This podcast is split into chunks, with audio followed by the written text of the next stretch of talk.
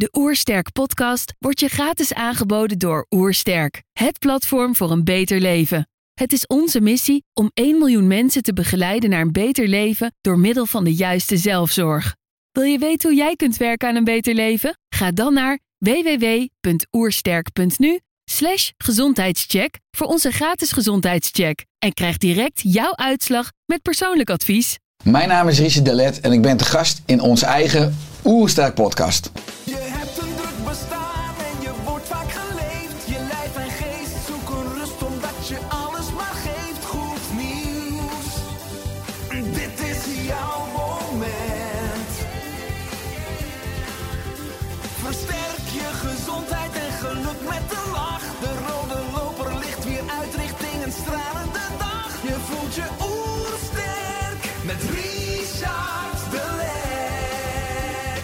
Hey, goedemorgen Richard. Goedemorgen Barbara. Welkom bij je eigen Oersterk podcast. Dankjewel. Hoe, hoe is dat? Ja, het is eh, grappig om aan de andere kant van de, van de opstelling te zitten. Ja. Dus eh, ja, ik laat het me gebeuren, wat andere, iedere gast ook heeft. Van, eh, ik laat me verrassen door de vragen. Ja, nou Ja. la- laat je vooral verrassen. Ja. Eén ding is geen verrassing, tien jaar Oersterk. Ja. Hoe is dat voor jou, die afgelopen tien jaar zomaar eens even vandaag te mogen evalueren? Ja, ik ben ten eerste natuurlijk hartstikke dankbaar dat eh, we na tien jaar nog zijn. Je ziet ook bij heel veel bedrijven die redden het eerste jaar niet, de eerste vijf jaar niet. Eh, nou is dat een bedrijf gelopen eh, geworden wat natuurlijk in essentie ben ik niet een ondernemer. Ik heb een passie. Ik heb een passie voor het lichaam, ik heb een passie voor het leven, ik heb een passie voor de natuur. Het is eigenlijk ook begonnen met een praktijk voor integrale geneeskunde, wat resulteerde dan in het eerste boek Oersterk, die 11 juni 2012 uitkwam. Ja, en dat dat nu zo uit de hand gelopen is. Ieder jaar eigenlijk een boek eh, verschenen. Dus nu tien boeken. eh, eigen magazines, eigen online trainingen. Oester coachopleiding. eh, ook Vitaly, supplemententakken uit ontsproten afgelopen tien jaar. Dus dat ik hier ook in dit pand met fantastische mensen, fantastische teams mag samenwerken. Want inmiddels is het wel veel te groot geworden om het zelf te kunnen besturen. Ik sta altijd in de spotlights, maar dankzij heel veel mensen die achter me eh, zeg maar, in de schaduw staan. Maar ik voel me heel erg rijk en dankbaar eh, dat ja, echt die intentie om mensen beter te maken, ook letterlijk om de wereld beter te maken, dat eh, mijn impact eigenlijk steeds groter wordt. En dat ik steeds ja, dat het steeds makkelijker gaat. Dat ik er ook steeds meer van geniet. Dat ik ook steeds minder stress heb. Want ik heb eigenlijk tot en met 2018 ook wel altijd ja, ook financiële stress gehad met de bedrijven. Het is echt pionier. Het is echt woekeren geweest. Eh, waar ik eigenlijk te weinig heb kunnen ontspannen. Nou, die ruimte is er nu steeds meer. Dus ja, dat maakt me een trots en dankbaar mens. Ja, prachtig, prachtig. En daar, even een stapje terug, wil het vandaag vooral eens over hebben. Over dat proces voor jou. En misschien ook voor de luisteraars. Ongelooflijk interessant. Om daarin zijn meegenomen te worden. Hoe werkt dat nou? Hoe ging dat? Ja. En dan hebben we het natuurlijk in eerste instantie over tien jaar geleden. Ja. Tien jaar geleden, oersterk. En dat is natuurlijk niet zomaar ontstaan. Zullen we nog één stapje terug doen om toch eventjes chronologisch te beginnen bij het begin?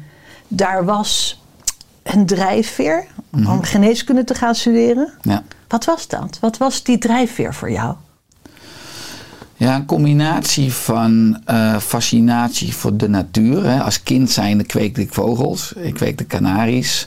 Maar echt, ja, dat kunnen denk ik veel luisteraars en kijkers niet bevatten. Ik ben heel fanatiek in alles wat, wat ik doe. Dus ik had, eh, nou, dan, dan streef je naar een goede bloedlijn. Dus, dus dan koop je goede vrouwtjeskanaries, goede mannetjeskanaries. En die zet je ook bij elkaar in de broedtijd. En die krijgen dan een jongen. Dus ik had ook mijn eigen ringen. Hè. Dus eigenlijk de eerste week, tien dagen, moet je een jong een ringetje omdoen om het pootje. Want na twee weken is het pootje te groot. Dus krijg je het ringetje er niet om. Dus je weet aan de ring kan iemand zien dat de vogel echt van dat jaar is. Dus ik deed aan het einde van het jaar mee aan tentoonstellingen. Dus eh, had ik vogels dus bij ons thuis op zolder. En werkte ik echt met licht, met klokken, met een plantspuit om ze mooi. Maar ook ik, eh, de, ik hield de, de kootjes vast. Ik liep over zolder. Eh, ik had de radio aan. Als een keurmeester zo'n kootje pakt en een vogel vliegt al op, dan krijg je al minder punten. Dus ja, ik eh, was en ik maakte mijn eigen eivoer. Ik was al met voeding dus bezig bij vogels, Kijk. wat je echt terugziet in ook de vitaliteit van zo'n vogel. Dus ik was ook eh, nou echt jeugdkampioen in de regio. En, eh, Werkelijk. nou ja, dus Geweldig. ik wilde dierenarts worden. In groep 8 op de basisschool moesten we een werkstuk maken. Dan deed ik over een dierenarts. Ging ik de dierenarts in Beverwijk. Ging ik vragen of ik stage mocht lopen. Ik ging bij hem stage lopen. En op de middelbare school verschoof die fascinatie al een beetje naar de biologie. En ook veel meer naar de mens eigenlijk als boeiende diersoort. En ook op mijn middelbare schooltijd. Ik had één opa en ik had één oma. Eh, die werden beide terminaal ziek. Kanker. En die overleden. En ik weet nog dat ik ook eh, aan hun sterfbed eh, dan ja, mocht afscheid nemen. Of mocht af en toe naar mijn opa en oma toe. En dat ik me enorm machteloos voelde. En dat, ik ook dat er een soort verlangen ontstond van... Ja, het zou toch fantastisch zijn als ik arts zou zijn. Of als ik ze minder kan laten lijden. Of natuurlijk in extreme als ik ze beter kan maken. Dus dat was een soort eh, laatste setje dat ik gewoon wist van... Nee, het wordt geen diergeneeskunde, maar het wordt geneeskunde. Het wordt mensgeneeskunde. En ja, eh, VWO verder goed volbracht. Alleen, ja, geneeskundeopleiding heeft een loting. Dus dat is, eh, ja, je, je, cijfers be- bepalen een beetje in welke groep je valt in de loting van de opleiding geneeskunde. Ik wilde graag eh, bij de VU in Amsterdam geneeskunde studeren. En ja, ik had bij mij gemaild een 7,2. Ik ben echt niet hoogbegaafd. Ik heb mijn hele leven hard moeten werken, hard moeten studeren. Vond ik ook leuk. Het is voor mij ook wel een mechanisme geweest om de wereld te, te laten weten dat ik er mag zijn. Bij mij ook een afsplitsing van ik ben niet goed genoeg. Wat ze vertaald heeft van ik weet niet voldoende. Dus ik ben ook met studeren en boeken lezen en kennis en de wereld laten zien hoeveel kennis ik heb. Is voor mij een, een onbewust mechanisme geweest om me erkend te voelen. Of te voelen dat er van me gehouden wordt, misschien wel indirect. Wat ook het schoolsysteem wel is. Als je met een goed rapport thuiskomt, dan zeggen je ouders en mijn ouders ook: Jeetje, wat goed. En eh, ik ben trots op je en ik hou van je. Uh, maar ja, die opleiding geneeskunde was een loting. En ik deed mee in 2001 en ik werd uitgeloot. Dus ik was er niet bij. Wat een deceptie. Ja, nou, Zo'n eh, heel pad Ja, daarvoor. het was echt balen. En, maar voor mij dus een keuze, oké, dan is het dus geen geneeskunde. En dan ga ik, eh, ik zou fysiotherapie studeren als tweede keuze of biomedische wetenschappen. Dus dan ga ik biomedische wetenschappen studeren op de VU. En dat wordt dan het pad. En in die zomer van 2001 ging ik met vrienden op vakantie in Spanje, in Salau. En vooral veel nachtelijke excursies uh, met, met heel veel proeverijen. Exotisch.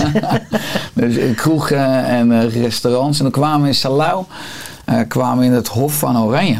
En dan was Radio 538, was daar aan het uitzenden. Dus ik ontmoette daar Edwin Evers, die was toen net over. Maar ook Barry Paf en uh, Jody Bernal en ook Pascal van Bluff. Bluff trad ja. daar op en allemaal artiesten. Wessel van Diepen en ook Erik de Zwart. Die was toen de directeur van Radio 538 en die presenteerde toen de top 40. En ik raakte met hem in gesprek. Hij zei, wie ben je, wat doe je? Nou, dus ik stelde hem voor. Ik zeg, ja, ik wilde geneeskunde studeren, maar ik ben uitgeloot. Dus ik ga nu biomedische wetenschap studeren. En hij onderbrak mij. Hij zei, waarom geef je op? Mm. Hij zegt, als je, als je iets echt graag wilt, dan moet je ervoor gaan. Ja, en die onderbreking en die vraag, waarom geef je op? Ja, is beslissend geweest. Omdat niemand in mijn omgeving was uitgeloten. En iedereen zei, jammer, uh, je hebt je best gedaan. Je hebt geprobeerd, het is een loting. Ga even wat anders doen.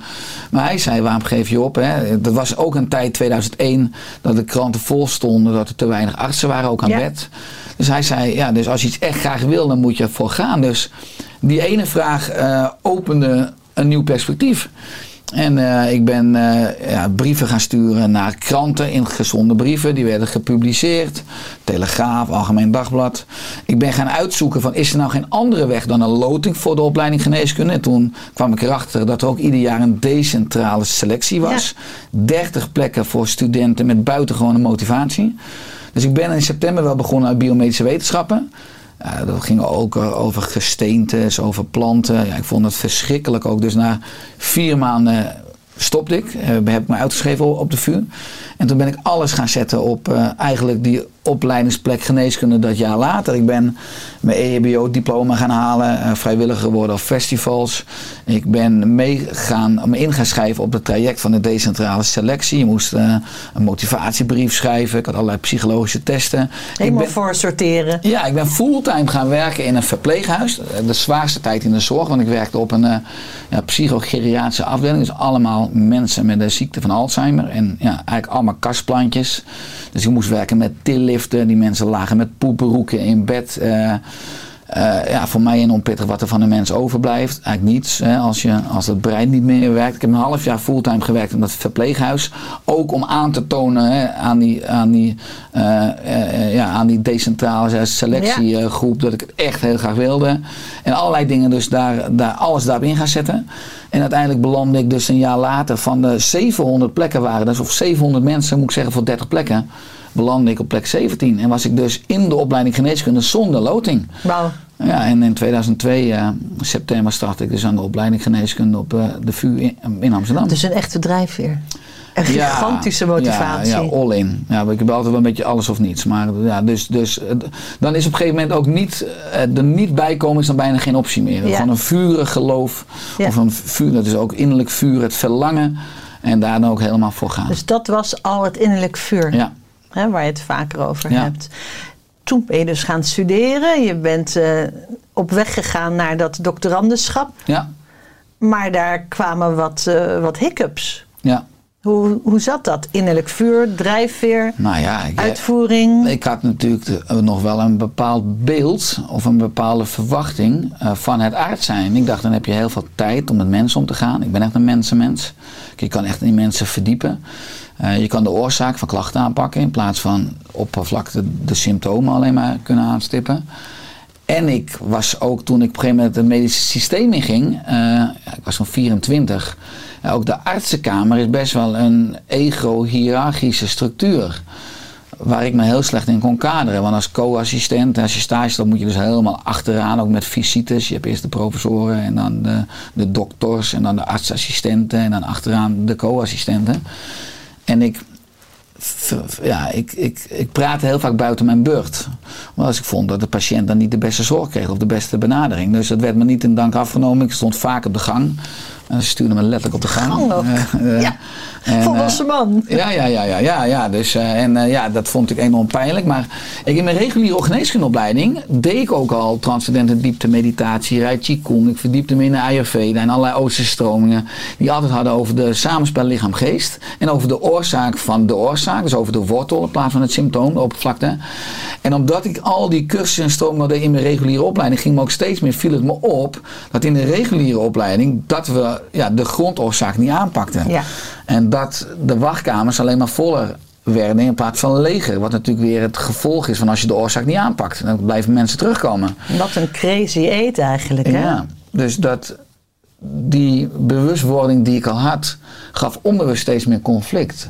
En dat zorgde ervoor dat ik mijn bezieling, hè, dus dat innerlijk vuur ging steeds meer doven. Omdat ik ja, in dat, letterlijk in het keurslijn van die witte jas, die voor mijn ego wel heel prettig was. Want als je het ziekenhuis inloopt, ben je gewoon net als anderen, niemand goed je. Je gaat de artsenkamer in, je kleedt je om, je doet je witte jas aan, stethoscoop om, je hebt wat dingen in je zakjes.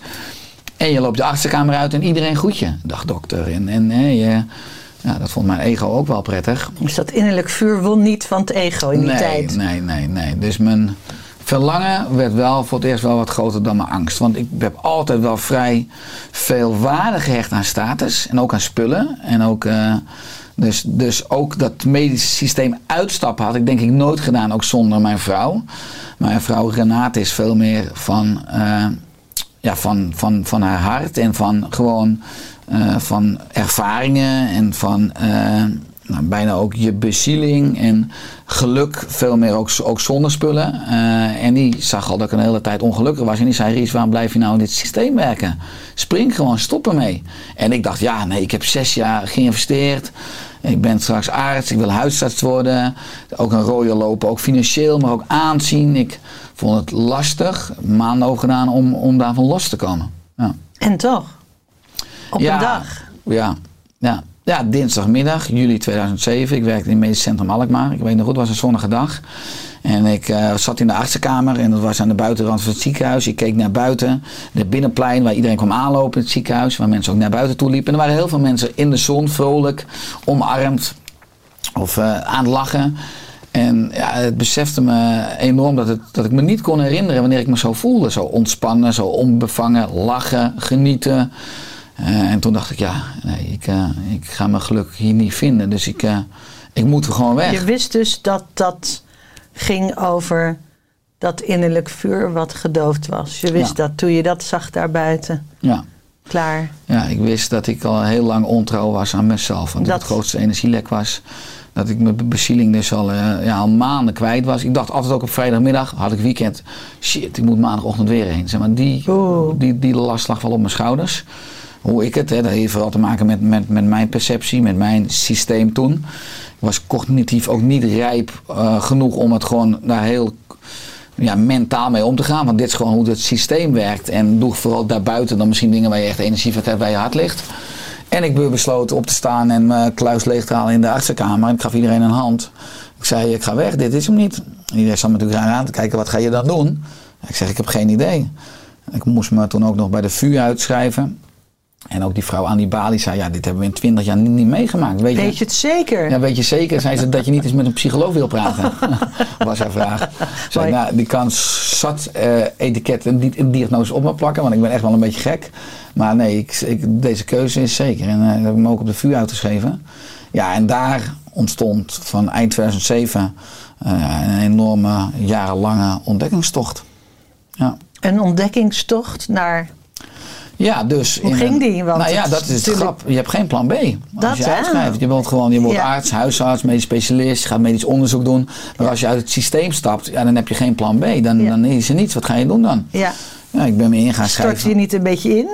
Mentaal? Nee, want ik had toen wel. eh, ik was echt enorm blij dat ik eruit was, dat ik vrij was. Dat ik, dat Opluchting. ik, ja, en eh, ook juist zin om gas te geven om iets op te bouwen. Dus ik ben me in gaan schrijven, ook eh, ja, bij de Kamer van Koophandel als ZZP'er. Ik ben me gaan verhuren aan thuiszorgorganisaties. Ik ben me gaan verhuren aan verzorgingstehuizen, aan verpleegtehuizen, allerlei medische handelingen, zondevoeding, stomazorg, injecteren, diabeteszorg. Eh, ja, dat ben ik toen gaan doen. Ik ben me in gaan schrijven ook voor mijn eigen praktijk. Maar ja, dat, dat ging toch wel tergend langzaam. En de hoop... toch veel ervaring. Ja. En je hebt heel veel ervaren en gedaan. Ja. En dat is ook ontzettend belangrijk natuurlijk. Ja. Je kan ook zomaar in iets nieuws hoppen. Ja. Maar je hebt gewoon heel veel ervaren Ja. over wat er gebeurt Ja. in dat hele gremium. Ja, zeker. Ik heb duizenden mensen mogen helpen in de thuiszorg. Ik heb ook nog in mijn geneeskundeopleiding werkte ik in de terminale waakzorg. Dus ging ik op vrijdagavond na 11 uur eh, naar iemand thuis, iemand nog thuis die terminaal was, die dus op sterven lag, ging ik eh, dan waken, zorg verlenen. Tot zaterdagochtend 7 uur s morgens, dus de nacht 8 uur. Dan kon ik namelijk s'nachts studeren. Zat ik wel, dus als iemand me nodig had, gaf ik zorg. Maar ging ik studeren, wat vaak tot, tot half vier kon. Dan was mijn kaasje echt op. Gewoon mentaal kon ik niet meer eh, opnemen. Maar ik heb ja, drie, 400 mensen op een sterfbed mogen begeleiden. En dan heb je ook echt gesprekken, ja, nou echt over de essentie. Ja. Over, eh, want je ontmoet mensen echt naakt. Vaak ook dat mensen naakt in bed lagen, omdat ja, door eh, vaak uitzaaiingen dat, dat het kleren te pijnlijk is op de huid. Maar ook echt naakt zonder masker. Je Ja. had het echt over, over de essentie, over de kern van het leven.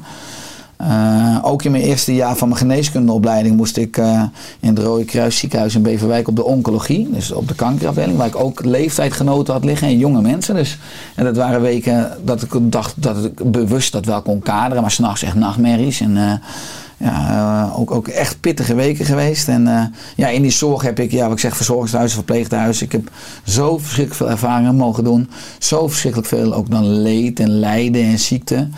Ook in mijn ziekenhuisstages, waar het lange dagen zijn. En eh, waar je ook denkt dat de hele wereld ziek is, omdat de wachtkamers altijd vol zijn. Maar ook wel daarin kunnen ervaren. Bij de thuiszorg, ik altijd mensen de koelkast al open. denk ik, wat eten die mensen nou? En als je een gesprek met mensen hebt, hoe denken die mensen nou? Wat, wat is hun mindset? Dus door die, al die stromingen daarnaast was het enorm leerzaam. Omdat ik toen al een beetje al naar, naar oorzaken ging zoeken. En al, ja, toch al in mijn hoofd bezig was met het lichaam, geest, ziel eh, driehoek. Ja. Of nou bewust was of onbewust. Het groeide. Ja. En dat werd leefstijladvies. Ja, en dat deed ik in mijn eigen praktijk. En het doel was, ga mijn praktijk opbouwen en daarmee al die thuiszorg en verzorghuizen en verpleeghuizen afbouwen. Maar in deze regio waar ik werk, in de Eimond, ja, ik loop altijd een beetje tien jaar voor. Dus mensen stonden niet open voor voeding of leefstijl. En eh, ja, ik ging vlees uitdelen naar, eh, in, in praktijken van eh verloskundigen, van fysiotherapeuten, osteopaten. Ik ging brieven sturen naar huisartsen. Nou, ik kreeg nooit antwoord. Dat was altijd natuurlijk al een beetje een moderne kwakzalver. Maar ik dacht altijd van, ja, volgend jaar het gaat wel beter. Ik ga groeien. En 2008 en 9 en 10, 2010 werd ik vader van Noah. Ik wilde ook financieel mijn gezin kunnen dragen. Het was vooral nog inkomsten uit thuiszorg. Hè. Ik verdiende 27 euro per uur. Die praktijk 1, 2 patiënten of cliënten of per week. En in 2011 was dat nog steeds zo. En toen ja, kwam ik in een, eh, een, een persoonlijke crisis. De huisarts zijn burn-out. Ik noem dat spirituele crisis. Omdat ik toen echt werd geconfronteerd met ook ja, angst van heb ik, ben ik niet dom geweest? Heb ik de foute keuze gemaakt om mijn eigen weg te gaan? Misschien lukt het niet. Misschien is het wel geflopt. Maar ook, ja, ik had een enorme behoefte aan erkenning van de wereld. Dus ik durfde eigenlijk niet mijn eigen stem te laten horen. Ik, ik praat altijd met iedereen mee. Iedereen vond me aardig. Ik was enorm, ik mengde enorm goed in allerlei verschillende groepen. Omdat ik gewoon bang was om mijn eigen stem te laten Ja, horen. dus Dat- angst won het. Ja, Eigenlijk na die dan. grote stap Ja. vanuit vertrouwen Ja. En was, drijfveren. was toch altijd een pleaser. Ja. Ja.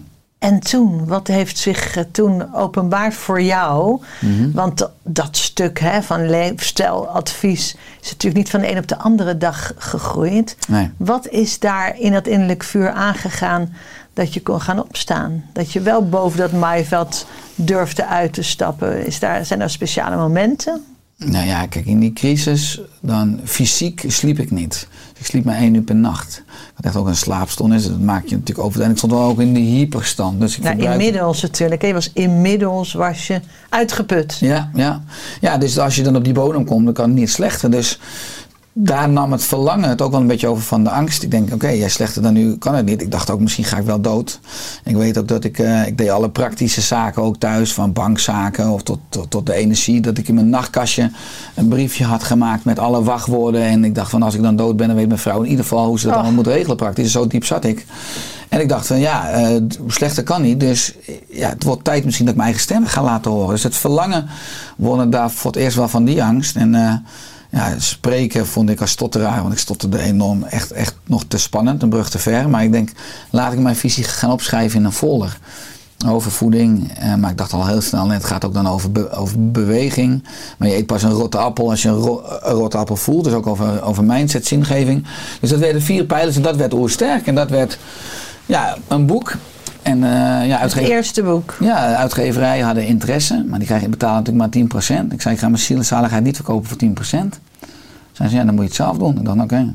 Dus ik heb 15.000 euro geleend van mijn ouders. En de eerste druk, eh 4500 exemplaren. Als ik daar terugdenk, ook denk ik, wow, dat durfde je. en, eh, maar dat pakte de media wel snel op en dat werd vrij snel een bestseller. Ja, en dan ben je ineens auteur. Auteur, leefstijladvies. Ja. En eh, hoe kwam dat pad langs dat jij mensen ging eh, opleiden? Want dat was natuurlijk wel de grote stap. Ja, nou ja, dat boek eh, gaat dan natuurlijk ver buiten je regio. Sindsdien, dat mijn eerste boek, had ik dus een wachtlijst in mijn praktijk. Ik heb altijd een wachtlijst gehad van ja, een half jaar of langer. Dus dat is ook niet ideaal. Als mensen spoedjes hebben, dan moet je altijd weer s'avonds werken of in het weekend. Want je agenda staat ramvol. Eh, totdat ik in 2018 wel dacht van ja, ik, wil één, ik heb altijd wel gehad, ik wil 1 miljoen mensen beter maken. Maar als je een uur met mensen werkt, ik bedoel, zitten 24 uur in een dag en 7 dagen in een week. Dus dan kan je niet een miljoen mensen per jaar helpen. Dus ik dacht van, ik moet een ander systeem op gaan zetten. Dus ik moet dan stoppen met mijn praktijk. Nou, ik verdiende toen 995 euro ex-BTW per uur. Ik had echt wel het hogere segment toen. Mensen hadden quote 500, BN'ers, topsporters. Eh, dus ik had vijf mensen die ik hielp op een dag. Maar wel altijd die pinbon van 5000 euro. Dus ja, dat vond mijn oerbrein natuurlijk enorm spannend om dat daarmee te stoppen. En, maar ook daar won het verlangen wel. Ja. Ik denk, ik moet een ander systeem op gaan zetten. Ik moet er hier, hier en ook mijn hart volgen. En eh, ja, toen ben ik de Oester coachopleiding gaan uitwerken. Die we in 2019 gelanceerd hebben. Met als doel, als ik nou duizend soort professionals ga opleiden. Die ieder jaar duizend mensen kunnen helpen. Duizend maal duizend is een miljoen. En ja, dat was de, ja, vanaf het eerste groep eigenlijk uitverkocht. Dat sloeg enorm aan. En eh, tot nu toe hebben we de, ja, nu gaan we bijna naar nummer 500 die we in de opleiding hebben. Dan zijn we op de helft en aankomende jaar zullen we die missie volbrengen. Maar ja, met de OC coachopleiding hebben we nu echt een, eh, een instrument om eh, ja, de nieuwe leiders in het zorglandschap op te leiden. Met kennis van body-mind, met kennis van de oorzaak van de oorzaak. Dus die verstoorde werkingsmechanismes die eigenlijk als rode draad onder, andere, onder alle westerse welvaartsziekten lopen. En ook hoe je die dus met leefstijl als medicijn, voeding, beweging, ontspanning, maar ook met een stukje uh, mindinterventies en ook met een stukje levensdoel, zingeving. Ja, al die uh, ja, ook wetenschappelijk onderbouwde, want het is echt niet meer. Uh, nou ja, alleen, alleen Richard? Zweverig. Nee, nee, het is ook echt wetenschappelijk helemaal onderbouwd, gefundeerd. Met een heel team aan vakdocenten. Ja, kunnen we daar een stukje bijna magie aan gaan bieden. Ja. Ja, het is mooi dat je dat zo noemt, hè? bijna magie. Want eigenlijk heb je natuurlijk een, een verschuivende boodschap. Ja. He, wij hebben jou de afgelopen tien jaar gevolgd in al dat advies. Tuurlijk, mentaal, emotioneel, fysiek.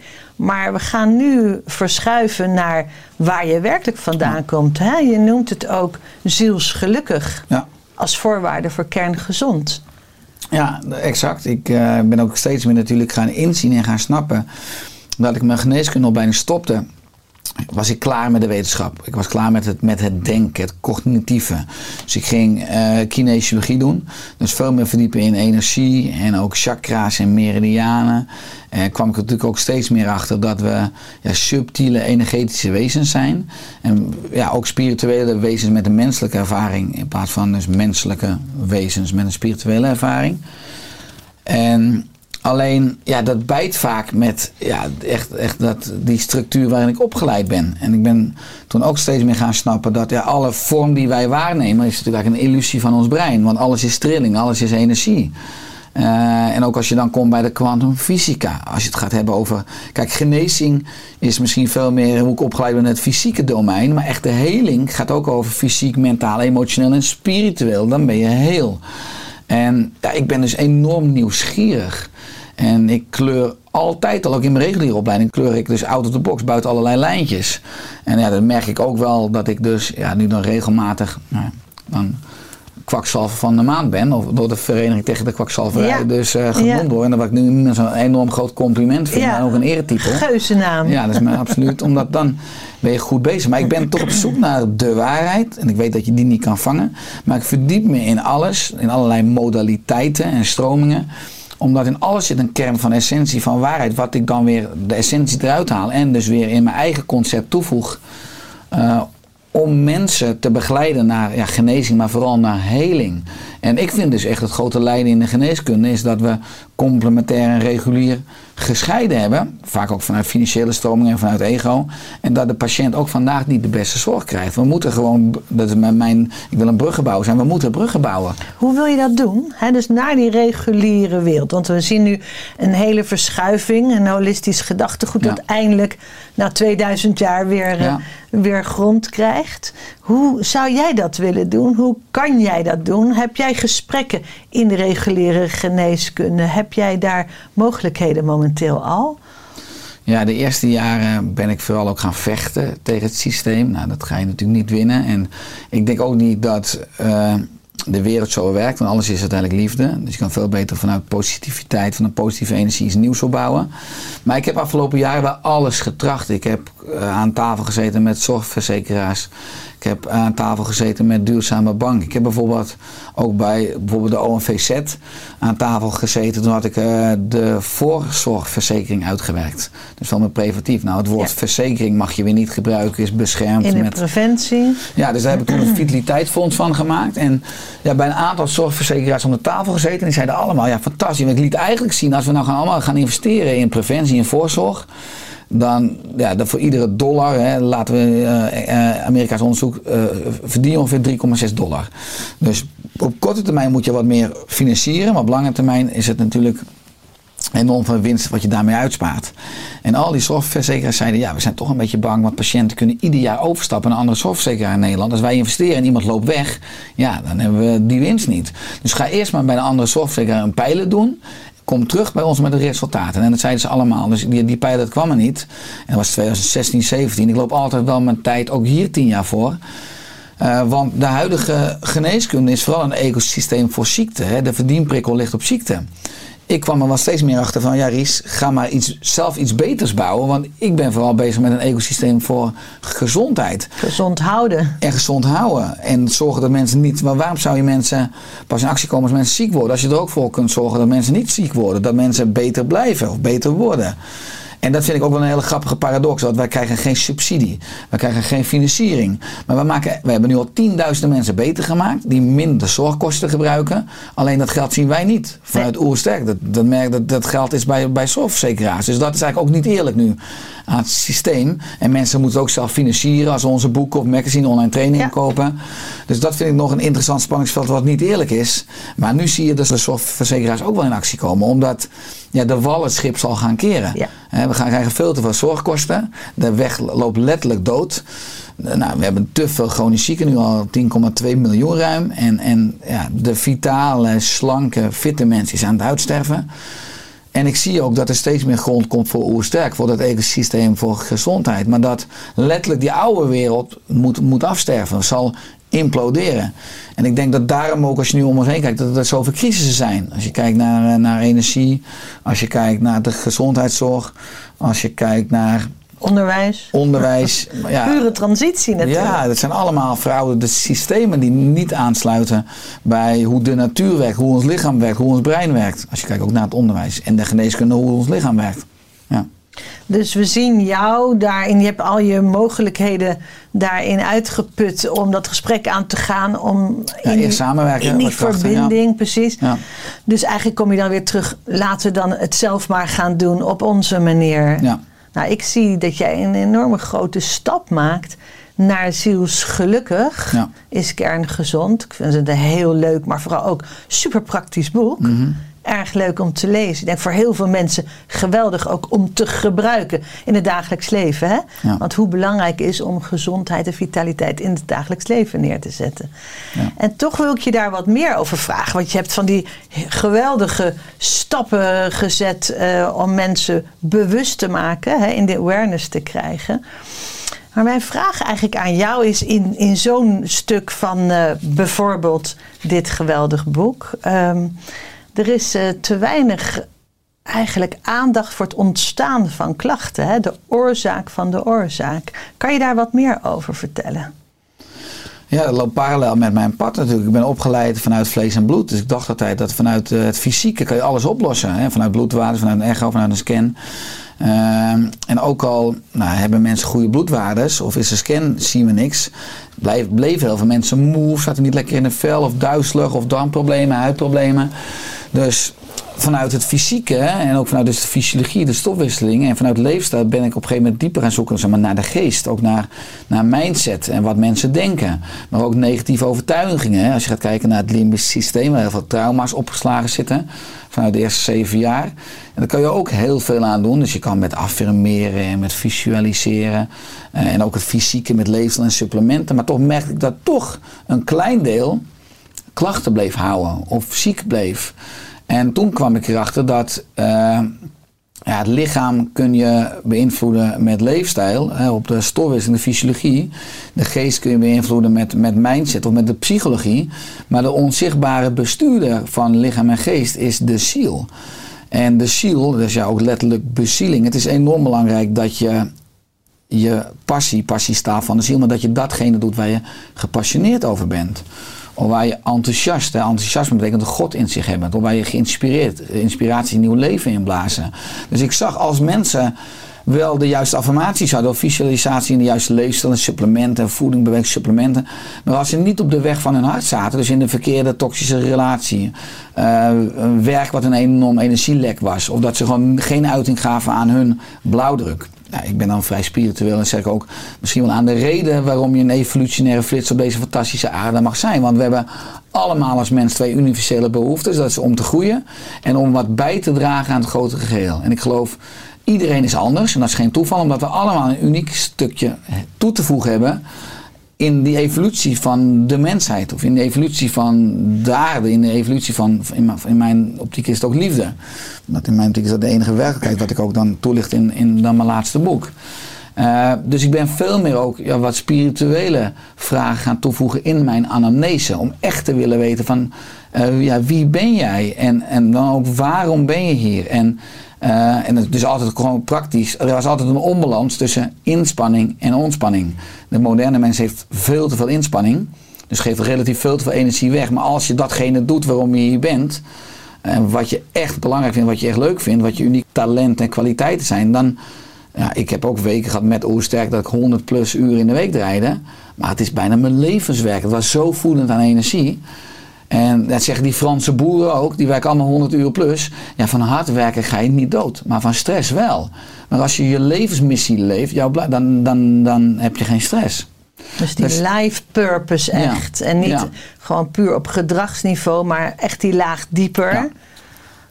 En hoe kunnen mensen daar contact mee maken? Want jij hebt daar een heel pad bewandeld. Hè? Het is ervaren. Op een gegeven moment ging je de diepte in naar onderliggende overtuigingen. Ging je vastgezette emoties loslaten. Je hebt daar een heel haast spiritueel pad ge. Ja.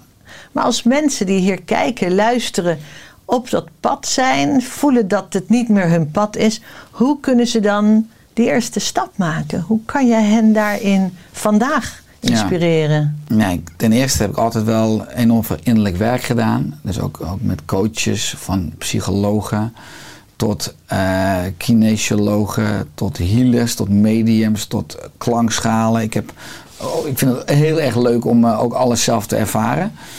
Ehm, maar wat mij enorm geholpen heeft en nog steeds, is gewoon vaker de natuur ingaan. Ik krijg ja, enorm veel antwoorden of inzichten als ik de natuur inga. Dus wat ik benoem dan ook in mijn laatste boek is dat we als mens drie breinen hebben. En de meeste mensen die hebben ja, wat chronische stress, die overleven in hun hoofd. En het lichaam bungelt eraan vast. Maar daarom is het leven vaak ook zo zwaar en blijf je, blijf je strukkelen. Omdat je van je brein, van eh, je hersenen vaak niet de juiste antwoorden krijgt. We hebben drie breinen. Het derde brein is eigenlijk ons, ons, nou, ons hoofd. Het eerste brein is ons hart. Dat klopt als eerste. Het heeft ook een eigen zenuwstelsel. Eh, en het tweede brein is ons buik. En ik merk als ik regelmatig de natuur in ga en gewoon lekker wandel of dat ik veel meer een uitleiding krijg van die drie breinen. En pas dan kan je het juiste antwoord krijgen. Dan krijg je soms van je hoofd, meestal niet, maar vaker van je hart en van je buik. En daar zit ook je intuïtie. Daar zit het verlangen om te verbinden. Daar zit ook de primaire drijfveren. Dus Aristoteles zei van ieder mens wordt geboren met bepaalde leegtes. En we hebben een aangeboren neiging om die leegtes te willen vullen. Want als we die vullen, leidt dat tot vervulling. En ja, daar heb je geen spullen ter wereld nodig. Dat is eigenlijk allemaal surrogaat. Dat leidt veel eerder ruis en afleiding. Ik leef de laatste jaren ook steeds minimalistischer. Ik ben echt aan het ontspullen omdat als je datgene doet waarom je hier bent, en die innerlijke leegtes, dat noemt Aristoteles dan, ga volgens je hoogste waardes leven. Dus dat, wat doe je nou het liefste? Wat deed je als kind het liefste? Waar gaat je hart sneller van kloppen? Waar kan je s'nachts voor wakker maken? Waar je moeiteloos van het bed uitspringt en waar je dus al aangetrokken wordt om dat te gaan doen. Uh, maar in de natuur is gewoon al wat meer ontspanning in je leven in gaan bouwen. Daar kan je de coaches mee gaan begeleiden of therapeuten met innerlijk werk. Maar ook, ja, ik ervaar het heel erg in de natuur. Op vakanties ook. Dat ik uh, ja, op bepaalde levensvragen. En ik heb dan drie vragen die ik iedere kwartaal beantwoord. Dat schrijf ik dan op in een schriftje. Uh, en dat zijn vraag 1, waarom doe ik wat ik doe? Dat is voor mijn primaire drijver. Ik heb ook nog te vaak, als ik druk ben, dat ik het primair voor de buitenwereld doe. Om erkenning te krijgen nog van de buitenwereld. Maar Toch niet, nog steeds. Ja, dat is nog steeds waar je in terugvalt als ik te druk heb. En de stress weer toeneemt. Zeker, omdat je dan niet meer goed contact hebt met mijn lichaam. Uh, dus waarom doe ik wat ik doe? Wat heb ik echt nodig om gelukkig te zijn? Wat veel meer dus alle spullen, dus minimalistisch leven is. In het hier en nu. Ja, en alle antwoorden zitten letterlijk in, nou, in mij en in jou. En de derde vraag is zeker, als je gezond bent, dan heb je toch de illusie van dat je onsterfelijk bent. En heel veel mensen morsen met tijd. Maar wat zou ik doen als ik nog maar 24 uur zou leven? Wow. En kom mijn agenda aankomende 24 uur of aankomende week, aankomende maand overeen met de prioriteiten die ik dan zou stellen. En die drie vragen zijn voor mij een belangrijk kompas om ja, continu ook dan weer bij te, te, sturen en wel op de weg van mijn hart te blijven. Ja, dus ja. liefdevol met jezelf om ja. te gaan eigenlijk. Ja. En dat liefdevol met jezelf omgaan is natuurlijk ook vertragen. Die natuur die geeft je ook een mogelijkheid om te vertragen en weer in het hier en nu terecht te komen. Ja. En dan is dat uh, een eerste stap voor de mensen om zomaar eens met zichzelf een, een nieuwe dag aan te vangen te vertragen, connectie met de natuur. Ja, zeker. Ik begin ook uh, iedere dag uh, schrijf ik op dan in de Oerstek Journal. Uh, je hebt natuurlijk een leefstildagboek. En daar staat een zin. Mijn dag is geslaagd als puntje, puntje, puntje. Nou, ik vul dat iedere dag al in, omdat ik dan al weet. Dus ik, ik sta dan stil bij wat belangrijk is. Heel veel mensen worden continu afgeleid door urgente prikkels. Ja. Maar dat gaat ten koste van hetgene wat belangrijk is. Dus ik, eh, ik nodig mensen altijd uit om vanuit het mensbrein, dus proactief, al je dag in te vullen, al te kaderen. Omdat Ja. het oerbrein is reactief, reageert de hele dag op Heel snel, hè? Ja. In een duizend van een seconde Ja. eh, pakt het oerbrein je naar de afleiding. Ja. ja, maar mijn dag kan er geslaagd zijn. Bijvoorbeeld op zaterdag als ik met, met Renate, mijn vrouw, een half uur eh, lekker een kopje thee buiten drink. En gewoon eens verdiep van, hé, hey, hoe is jouw week afgelopen week geweest? En eh, hoe gaat het met onze jongens? En eh, hoe gaat het met ons? Hè? Eh, nou, dat, dat is belangrijk. Alleen, ja, daar, daar kom je niet aan toe als je bijvoorbeeld de hele dag met je smartphone op social media bent. De Wat- afleider. Wat urgente prikkels zijn, ja. Dus dat oerbrein ten opzichte van je hogere waarde eigenlijk. Ja, ja, dat mensbrein, ja. En, en dat mensbrein moet jij eigenlijk iedere keer weer bewust naartoe. Ja, in mijn optiek, als je gezond en gelukkig wil oud worden, dan moet je dus je mensbrein trainen. Want je mensbrein kan het oerbrein remmen en temmen en reguleren.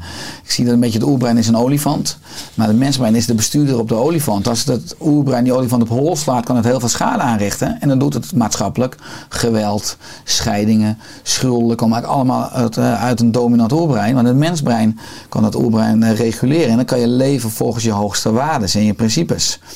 Maar dat is interessant, want heel veel mensen weten wel wat ze niet willen. Maar het is ook een luxe. En daarom we zitten nu hier ook in Nederland wel hoog in de piramide van Maslow. Maar we zijn veelal niet meer bezig met, met eten en drinken en het dak. Dat hebben we. En het is in die zin ook een luxe dat we ons kunnen afvragen. Ja, maar wat wil ik nu eigenlijk? Waar word ik gelukkig van? Waarom ben ik hier nu op die, eh, op die mooie aarde? Dat is wel al enorm luxe als je de ruimte hebt om antwoord te zoeken op die vragen. Want heel veel mensen op de wereld, eh, die zijn niet met deze vragen bezig. Die zijn gewoon aan het overleven.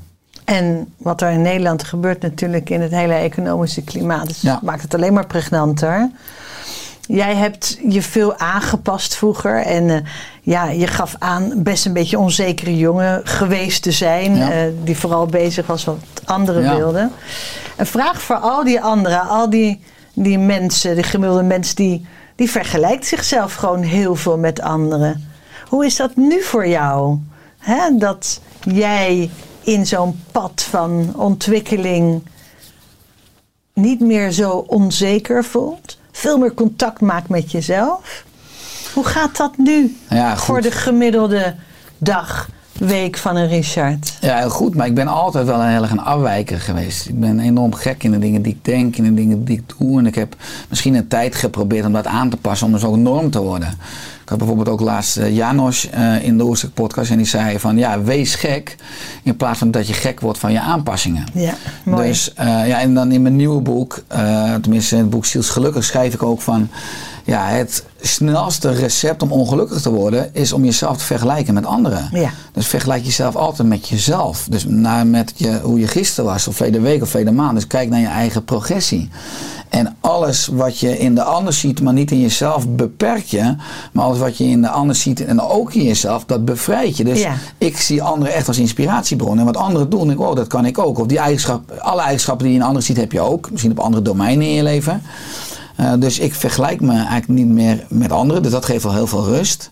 Wat heel veel mensen trouwens wel doen op social media. Oh, die is slank of die is rijk. Of die, nee, dat heb ik nou ja, misschien door deze ontwikkeling in mezelf ehm, ja, al jaren dat ik dat niet Ja. meer doe. Eh, maar ik probeer eigenlijk ook ja, mensen te inspireren met mijn eigen authenticiteit. Eh, en ik, vroeger eh, weet ik ook nog wel dat ik ook heel vaak moe was, omdat ik allerlei rollen speelde. Dus als, als ik een lezing moest geven op het podium, dacht ik: oké, dan moet ik die kleren aan en dan moet ik zo praten. En dan moet ik, nou had ik overdag praktijk, had ik consulten. Oké, dan betalen mensen veel geld. Oké, dan moet ik dus, dus dat, die kleding aan en dan moet ik zo praten. En nou, dan ging ik weer naar huis. Dacht ik: oké, ik kan die rol wel achterlaten, want ik ben nu weer. Dus Doodvermoeiend. Ja, doodvermoeiend. En nu eh, heb ik geen rol meer. Of ik nou op het podium sta, of ik nou consulten doe. Ja. Wat ik nog doe in onze opleiding, of ik thuis ben of met vrienden en familie. Ik ben altijd gek. Ik maak altijd flauwe grappen. Ik ben altijd. Ja, mensen kennen misschien natuurlijk op mijn, eh, als ze me volgen, wel de serieuze kant. Want ze zien vaak video's ook op social dat ik natuurlijk allerlei inhoudelijke dingen doe. Maar zeker mensen die me goed kennen, die weten dat ik, dat ik, dat ik continu strooi met allerlei flauwe grappen. En dat ik. eh, nou, ik ben, en dat geeft me dat spaart zoveel energie uit dat ik niet meer bezig ben om, om me aan te passen aan Maar daar liep je natuurlijk op leeg. Ja. Aanpassen, vergelijken. Ja. En nu ben je gewoon in de present. Ja, en ja, wat ik dan nu heb opgebouwd. En mensen zien nu ook het succes. En daar ben ik dankbaar voor. Maar vooral die jaren die ik noemde van 2007 tot 2011. Dat ik met mijn vrouw ook op, eh, in een flat woonde op de achtste etage. Dankzij de eh, huursubsidie en zorgtoeslag. We hadden 200 euro boodschappengeld per maand. En toen aten we het liefst al een beetje biologisch. Dus we moesten echt keuzes maken. Eh, ja, dat zijn echt pittige jaren geweest. Waar we echt moesten, moesten woekeren. Eh, maar wel altijd het geloof gehad van. eh, en ik leefde een passie al, dus dat was al vo- voldoende. Maar, Maar ja, toch je grootste potentieel leven. ja, Dat is natuurlijk een heel andere manier dan aanpassen en de hele tijd te moeten zoeken naar de vorm. ja. Hoe is dat, het grootste potentieel leven voor Richard? We kijken nu naar de mogelijkheden, hè, zoals je nu leeft, straks wat je gaat doen. Je wordt 40 komende maand. Mm. ja, 40 en vanuit het grootste potentieel leven. ja, Sabbatical in, eh, op Mallorca straks. ja. Hoe ziet dat eruit om je grote potentieel te mogen leven? Ja, kijk, in die zin heb ik wel ervaren dat ik zeg altijd van droom groot en werk klein. Dus ik had in 2014 eh, het doel om eh, met dan mijn derde boek Oerstek Leven bij De Wereld Draait Door te komen of echt je late. En mijn vrouw zei ook, Ries, doe nou realistisch. Hè. Als je daar komt, vreet mijn schoen op. Nou, 21 oktober 2014 kwam het boek uit, zat ik bij echt je late bij Humberto Tan aan tafel. Eh, ik heb ook ervaren dat bij Tony Wommers, waar ik een keer was en ik wilde naar Australië toe, naar Date with Destiny. Nou, in die eh vijfdaagse was een afwas live dat ik van 2500 man, dat ik uit de zaal gehaald werd als prijswinnaar. En dat ik aan een rad moest draaien met 200 prijzen, waaronder de hoofdprijs Date with Destiny. En hij eh, stopte op Date with Destiny. Dus eh, ik, heb, ik heb echt wel ervaren dat alles mogelijk is als je ook vertrouwt en vol overgave eh, werkt. Ik had toen als doel om 1 miljoen mensen te bereiken. Er zijn de mensen ook in mijn omgeving toen dat in 2017 zei 1 miljoen. Wees nou realistisch, doe nou 100 of, du 100 of 1000. Doe rustig. Ja, dan kan het alleen maar tegenvallen. Nou, nu hebben we 1 miljoen mensen per jaar op onze website. Ook met onze social bereiken we nog meer mensen. Dus nu heb ik inmiddels ook ieder mens. Ik hoop dus misschien ook wel dus naar internationaal te gaan. Misschien Engelstalig, Spaanstalig. Eh, ook misschien met dan de podcast ook internationale experts te kunnen interviewen. Dus ja, ik, eh, ik heb dus grote dromen. Ik laat het verder los. Eh, maar, en nu ook weer dat ik een beetje een jaar weer een beetje terug ga schakelen. Veel met de natuur in, ook op Mallorca. Eh, omdat, ja, ik was natuurlijk een keer een afspraak op Nijenrode bij professor Paul de Blo. Die niet meer leeft, maar die had op zijn... eh, die was toen 92, in zijn werkkamer één quote. Ik kan het beste niet kiezen, het beste kies mij. Dus ik wil nu weer veel meer ook een beetje weer die rust opzoeken in de natuur. En kijken Ja. wat het universum weer voor mijn voeten gooit. Want alles wat ik begonnen ben, vanuit mijn wil, is bijna mislukt. Maar alles wat op mijn pad gekomen is, wat ik aangepakt heb, is gelukt. Dus dat is ook interessant. Hè? Mijn ego denkt, wow, ben ik succesvol, heb ik gedaan. Terwijl ik weet ook dat het door mijn heen geleefd. Ook mijn, dan mijn laatste boek. Ik vind het echt een enorm goed boek, wat heel veel mensen ook al raar vinden. Maar to- als ik dan een boek, ik kan blind type aan het schrijven ben. Als ik geïnspireerd word door wat op mijn scherm verschijnt, dan weet ik dat het goed is. Maar het stroomt een beetje, mijn vingers typen wel. En ben ik het nou of stroomt het leven door me heen? Ja. Dus ik wil eh, weer wat ruimte maken voor het, dat het leven door me heen kan stromen. Ja, en ik wil dan gewoon impact maken vanuit mijn blauwdruk in deze wereld. En dat gaat, denk ik, misschien nog wel wat groter zijn dan wat ik nu heb gedaan. Eh, ook wat meer internationaal mogelijk. Eh, maar veel meer weer vanuit mijn, mijn passie. Ik geniet er. Ik heb enorm veel lol. Ik geniet ervan. Maar ik wil weer kijken in die ruimte wat zich gaat aandienen. Ook als, als veertiger. Ja. Ook als veertiger. Ja. Dat is jong, hè? Ja, ja nee. Ik, eh, leeftijd is echt mindset. Dat heb ik al eh, heel lang door. Ja. Nou, stel Ja. dat het en ook- ik ben ook fitter dan dat ik 18 was. Ook echt fysiek. Ja. Is dat toch ook een bewuster leven dan toen? Want je was toen natuurlijk ook al heel gepassioneerd met alles wat je deed. Ja, maar ik leefde wel oerzwak. Ik, ik, ik had wel eh, biologische frisdrank, of ik dronk biologische frisdrank en ik at biologisch brood. Terwijl ik daar denk dat beide natuurlijk niet echt optimaal is vanuit mensvoeding. Maar wel gewoon dat ik, ja, ze zeggen natuurlijk ook wel vaak vanuit het fysieke. Van de eerste 40 jaar, hè, kan je gewoon een beetje eh, ongezond leven. Maar na het 40 jaar moet jij dus voor je lijf zorgen. En de eerste veer- 40 jaar zorgt je lijf voor jou. Eh, ik denk dat ik zeker de laatste 10 jaar al enorm goed voor mijn lijf en geest en ziel zorg. Eh, maar ik zie natuurlijk in dat ja, je lichaam is gewoon het grootste kapitaal. Is het eh, voertuig waar je dit leven in reist. En ook het bouwwerk waar je dit leven in woont. Het is letterlijk een tempel. Nou, als je kijkt hoe de meeste mensen met die tempel omgaan. Is niet al te best qua zelfzorg. Nou, daar wil ik nog wel eens wat over vragen. Want ik kom even terug eh, in jouw boek. beschrijf je natuurlijk een paar prachtige concepten. En daar heb je het ook over de schaduwkant. Dus ergens niet van te houden. Hè? Dus ook wat je niet fijn vindt. Of misschien wel doorslaand naar boos, haat. En wat daar allemaal bij, bij hoort. Ehm, kan je daar iets meer over uitleggen? Ik kan me voorstellen dat het voor mensen heel interessant is om daar toch iets meer diepgang over mee te krijgen. Jij ziet daar het oerbrein weer in actie, hè? Schaduwkant is ergens niet van houden. En ergens voor wennen. Nou ja, dat alles je uiteindelijk dient. En dat ook die, eventueel wat wij betitelen als negatieve emoties. Ik denk dat het alleen maar emoties zijn. We geven zelf titel negatief. Eh, van angst tot, tot verdriet, tot boosheid, tot eenzaamheid. Dat dat ook feedbackmechanismen zijn om uiteindelijk ja, weer een innerlijke wond te helen. Om weer heel Wat te worden. vertelt het je, hè? Ja, het zijn allemaal eh, ja, wegwijzers.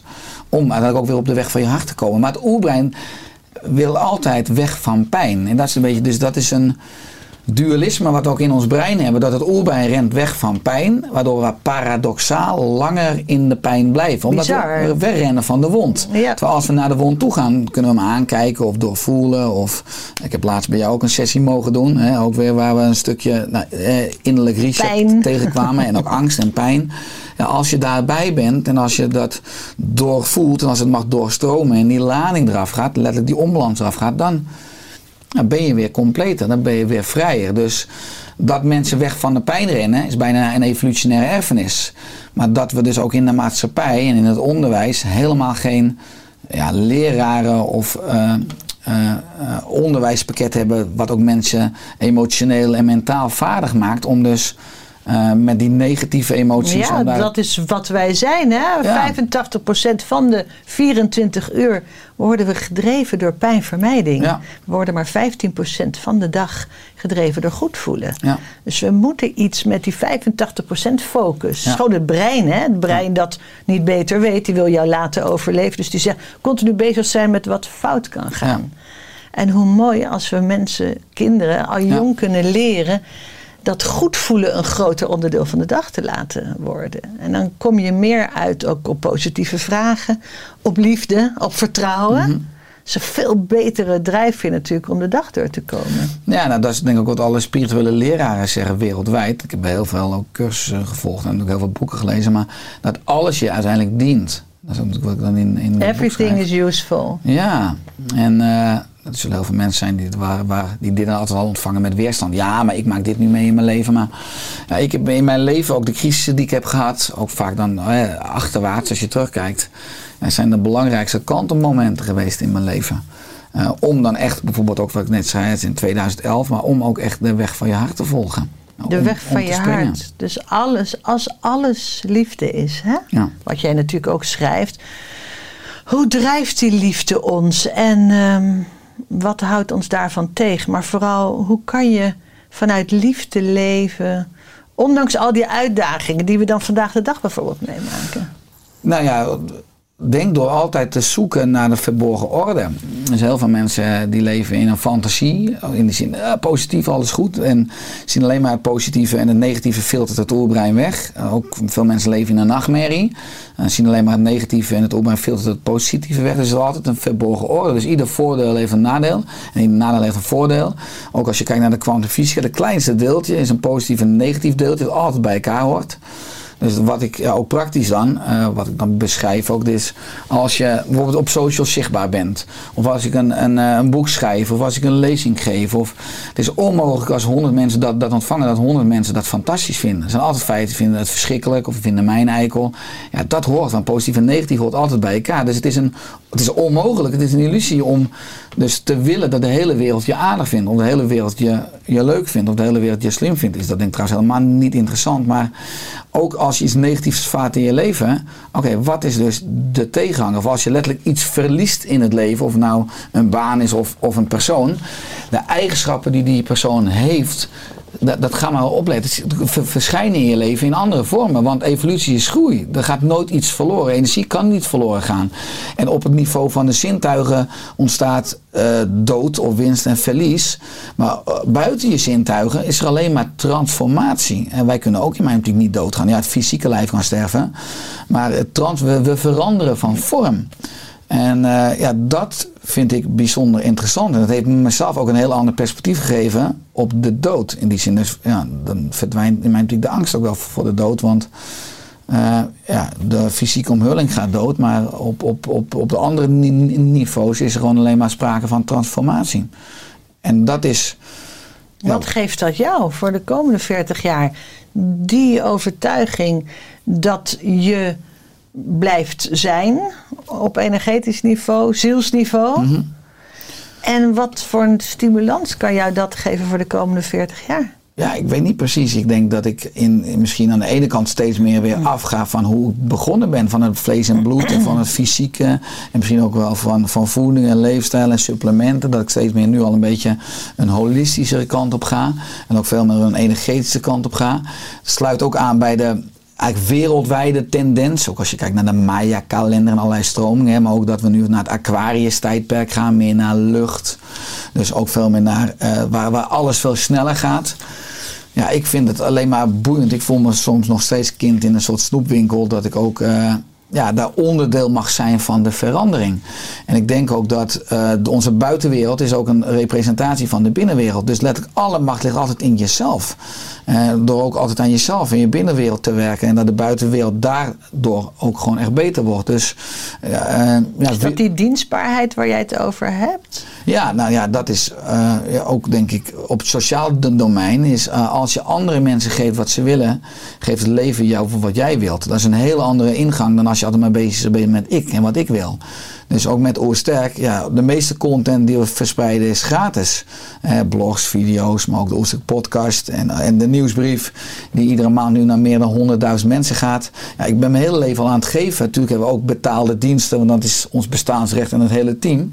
Maar ik krijg inmiddels zoveel terug van het universum, omdat ik in essentie als primaire drijfveer gewoon waarde wil, wil geven en, uh, en mijn passie wil delen. En dat het een bedrijf geworden is, heb ik enorm van in moeten leren. Ja, dat is interessant dat het gecondenseerd is tot een bedrijf. Maar je geeft eigenlijk aan dat het een soort hoger zelf is. Ja, maar dat is dan de werkvorm die je moet hebben om je boodschap te kunnen verspreiden. En die structuur te hebben ook als, als je mensen in dienst neemt. Uh, maar ja, ik, ik, ik hoop mijn licht, of, of het licht dus van die liefde en van die waarheid, die steeds meer hoofden, maar ook veel harten van mensen bereikt en raakt. Uh, dat gezondheidsvirus, dus letterlijk dat vuur, hè, want een lucifer kan natuurlijk een enorm groot vuur veroorzaken. Uh, niet alleen maar als je een huis in brand steekt, maar ook uh, dan deze metafoor. Ik, ik hoop daar een klein schakeltje in die wereldwijde transitie te mogen blijven. Ja, en hoe gaat dat dan, zoals even kijken, de komende tien jaar eruit zien? Ja, ik, uh, heb natuurlijk nu afgelopen jaren heel veel boeken, magazines en online trainingen. concreet gaan we nu komen met het Beter Leven pakket. Wat een bundeling is van onze succesvolste online trainingen. Maar voor een, uh, met een belachelijke korting, waardoor dat voor ja, bijna iedereen toegankelijk wordt.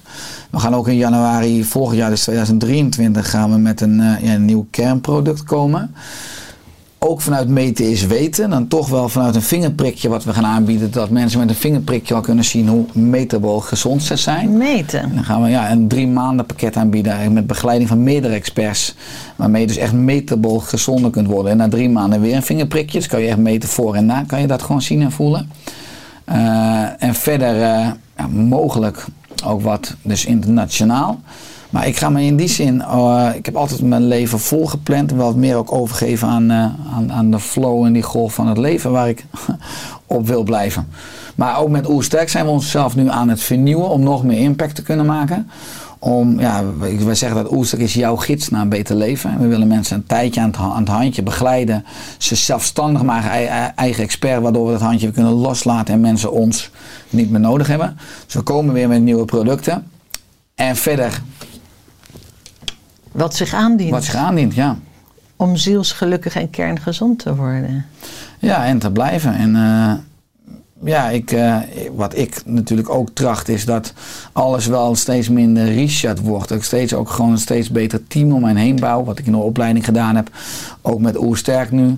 Misschien ook wel dat andere experts weer een podium gaan krijgen. Want Oersterk staat natuurlijk voor ja, de overontspanning. De E van eten, de R van regelmatige beweging. En sterk is van mindset en zingeving.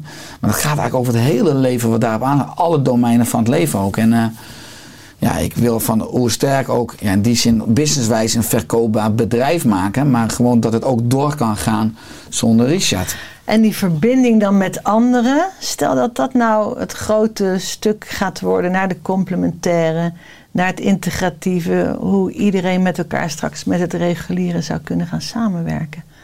Dat hoe groter jouw verbinding met dat alles wordt. Ja, ik denk één kernwoord eh, wat ik heb als mens is, ik ben een verbinder, ook vanuit echt mijn blauwdruk. En dat is ook de reden van de Oersterk podcast. Hè. Allerlei pioniers, experts en dwarsdenkers krijgen een podium, ook voor artsen en professoren. En ook al die andere stromingen uit de complementaire geneeskunde. Nou, jij hebt ook een keer eh, een eh, podcast met mij mogen vullen. En juist ook daar komt dat verbindende zo prachtig in terug. En ik ben zo blij met die podcast. Ik geniet er enorm van. Ik, smul van iedere expert. Maar ook inmiddels, dat, eh, ja, inmiddels al meer dan 25.000 kijkers en luisteraars per aflevering. Dus die podcast is zo'n goed voorbeeld van ja, die holistische synergetische mix van 1 plus 1 is 3. Ja, dat soort initiatieven zal ik ook blijven, blijven ontwikkelen om een verbinder en een brug te kunnen zijn met Oersterk. En daar draait het absoluut niet om mij, maar ik wil eigenlijk een doorgeefluik zijn ja, van iets wat gewoon veel groter is. Komt er ook nog eens een congres of zo? Een mooi fysiek samen zijn met een heleboel interessante mensen? hebben we dit jaar gehad natuurlijk. Het eerste nationale lezer-event was in de Lamar Theater Amsterdam. Ook strak uitverkocht met ook andere gastsprekers. Misschien dat dat wel een jaarlijks iets wordt. In 2023 trouwens, september, ook in primeur, ga ik een nationale theatertour doen. Fantastisch. Dus dat komt eraan volgend jaar. Eh, ja, met al- gasten? Ja, dat weet ik nog niet. Vanuit nu is echt wel de opzet natuurlijk eh, ook met een impresariaat dat ik de voorstelling ga vullen. Maar ik sluit ook niet aan dat ik daarna ook misschien nog wel een keer een tour ga doen met allemaal verschillende gasten. En, eh, en boeiende gesprekken gewoon. Alles in beweging. Ja, allemaal mooie kruisbestuivingen. Ja, Prachtig. Ik ga jou een geweldig sabbatical jaar toewensen. dankjewel. Op Mallorca, met jouw dierbaren. Met nog heel veel life purpose de komende 40 jaar. En bedankt om eh, samen met jou te mogen vieren vandaag. Die 10 jaar oersterk. Dankjewel Barbara, dankjewel voor... eh, ja, je had het mezelf aangeboden voor de context, hè, Ries. Eh, niet van wil je dat ik je geïnterview, maar ik ga je interviewen en dat krijg je van me als, als cadeautje. Dus ja, enorm veel dank ook voor ja, dit leuke gesprek. En ja, ik zal mijn, mijn passie met heel veel liefde ook aankomende tien jaar hoop nog veel langer blijven delen. En dat gezondheidsvirus blijven verspreiden, want ja, dat is wereldwijd natuurlijk harder nodig dan ooit. En dat vieren we Proost. met een mooi glas water. Ja, spaarrood lekker. Cheers. Cheers.